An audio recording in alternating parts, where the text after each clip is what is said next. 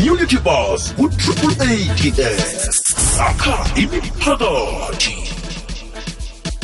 Akhe ngakuthembisa ukuthi njengalesi sikhathi sabe sikhulumisana nomuntu owazi ngcono begodu ongumeluleki ngezemali udade uncumisa wakwandelo sesincumisa lotshani?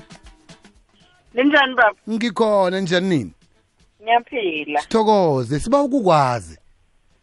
Jabula mina. hey siba ukukwazi ukuthi usebenza msebenzi muni uthome nini Um ngiqashiwe full time la ngiqashe khona kaMlungu mm. but part time um ngiqale igroup ku Facebook abayibiza one family one stockpile yokusiza omama ukuthi bakwazi ukusebenzisa kahle imali. I igroup ifundisa omama indlela zokusebenzisa imali ukwazi ukuthi noma ngabe unemadlana encane kodwa ukwazi ukuphila isikhathi leside. Mm. so iwona umsebenzi wami engiwenzayo lowo part time allo kuqakatheke kangangani ukuthi ubudlelwane bakho nemalakho bube sezingeni eliphakemeko khona uza kukhona ukuthi uthole impilo efaneleko?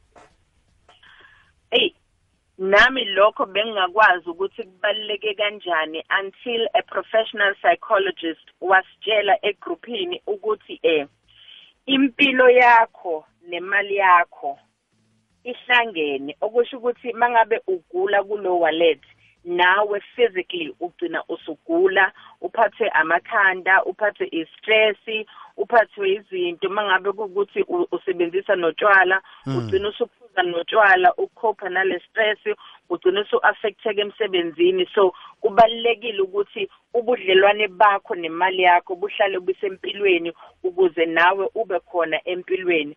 Uze athi ushalini mayichaza esikhathini esiningi makasebenza nabantu abashadile bangena bakhala ngenye into kuyena kodwa mase bexoxa bebonisana agcine atholile ukuthi inkinga enkulu noma impande or iroot yenkinga enayo le couple iqala emalini. So ubudlelwane nemali bubaluleke kakhulu empilweni yomuntu because bu-affecta zonke iy'ngxenye zempilo. Omunye uyakhuluma lapha ku-social media uthi yazi ukuthi kungaphela inyanga bese lo sebenzako ye uthoma uyakwata uyasidubhulela uba nehlizwe encane akazenzi. Kungombana ubudlelwane bakhe nemali eh abukaphili ngendlela efaneleko. Manje ngeke ngiwaphike amaphuzu aqakathekileko efanele siwatsheje khona ubudlelwane bethu nemali buzaba ngobuhle. Okokuqala ungaspendi ngenhliziyo uspende ngengqondo. Lokho kusho ukuthi ungathengi into mangabe usuyidinga. Uyithenge ngenkathi usayifuna. Lokho kuthini na? Ungaphumi esitolo uyothenga insipho yokuwasha ngoba seyiphelile endlini. Phuma ngoba sewubona ukuthi isizophela. Lokho kuzokunceda ngani? Kuzokunceda ngokuthi okokuqala uzokwazi ukuthatha isikhathi uqhathanise ama ama prices ensipho uthenge insipho ngempela engaphansi ngokwexabiso ngoba uma uyithenga ngoba usuyidinga awubisaba naso lesikhathi sokubheka ukuthi yikuphi la enenani elingcono ngakhona. Uyithenga la uyifice khona ngoba iyadingeka ekhaya endlini. So asiqale si-adjuste nje lapho ekutheni asisebenze ngento ngenkathi sisayidinga asiyithengi siyithenga mase siyifuna. Hayi misiphelile uma sizophela i-adjustment iqala lapho. Okwesibili awusuphuma endlini ungakabheki on your phone. Ukuthi lezi zinto engizifunako ngizozithola kephi ngamalini.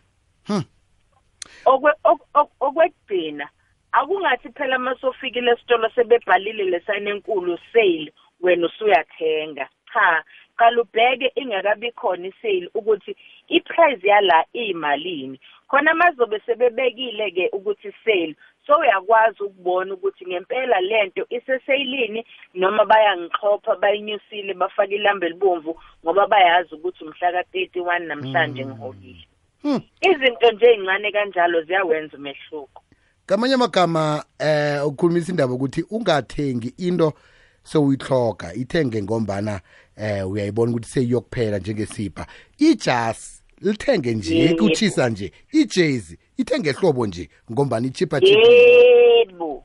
yo tatabo ngiyazi ukuthi eh singayicoca bekuchinga ilanga umlaleli uyafisa ukuthi athindane nawe ahlanganyele nawe egroupini mhlambe bakuthola njani ukuthi bathole inyeleliso kuya phambili igroup ivuleleke kubomama kuphela. Ungaba umama ungaba uyintombazane sasesikoleni noma tertiary siyakwamukela egroupini igama legroup one family one stockpile ku-facebook. Ngiyathemba ukuthi emva kwale interview sizobona omama abaningi ababalaleli bekwekwezi. Mhm. Nange mhlambe bafuna i1 on 1 nawe kune email address namtjana eh inombolo abangayithinda ukuthi baxoxisane nawe bakhona ukuthi baphandluluke. igama lami nginguncumisa ndelu khona ku-facebook ngiyaresponda kakhulu kuma-inbox. Mangabe ungithumelele nje imessage awupheli u- usuku. Oluphelele ngingakaphenduli Hmm. Tatabo siyathokoza ngemsebenzi emihle yokuthi ke uthadlula abantu beSouth Africa uragele phambili ngemsebenzi leyo.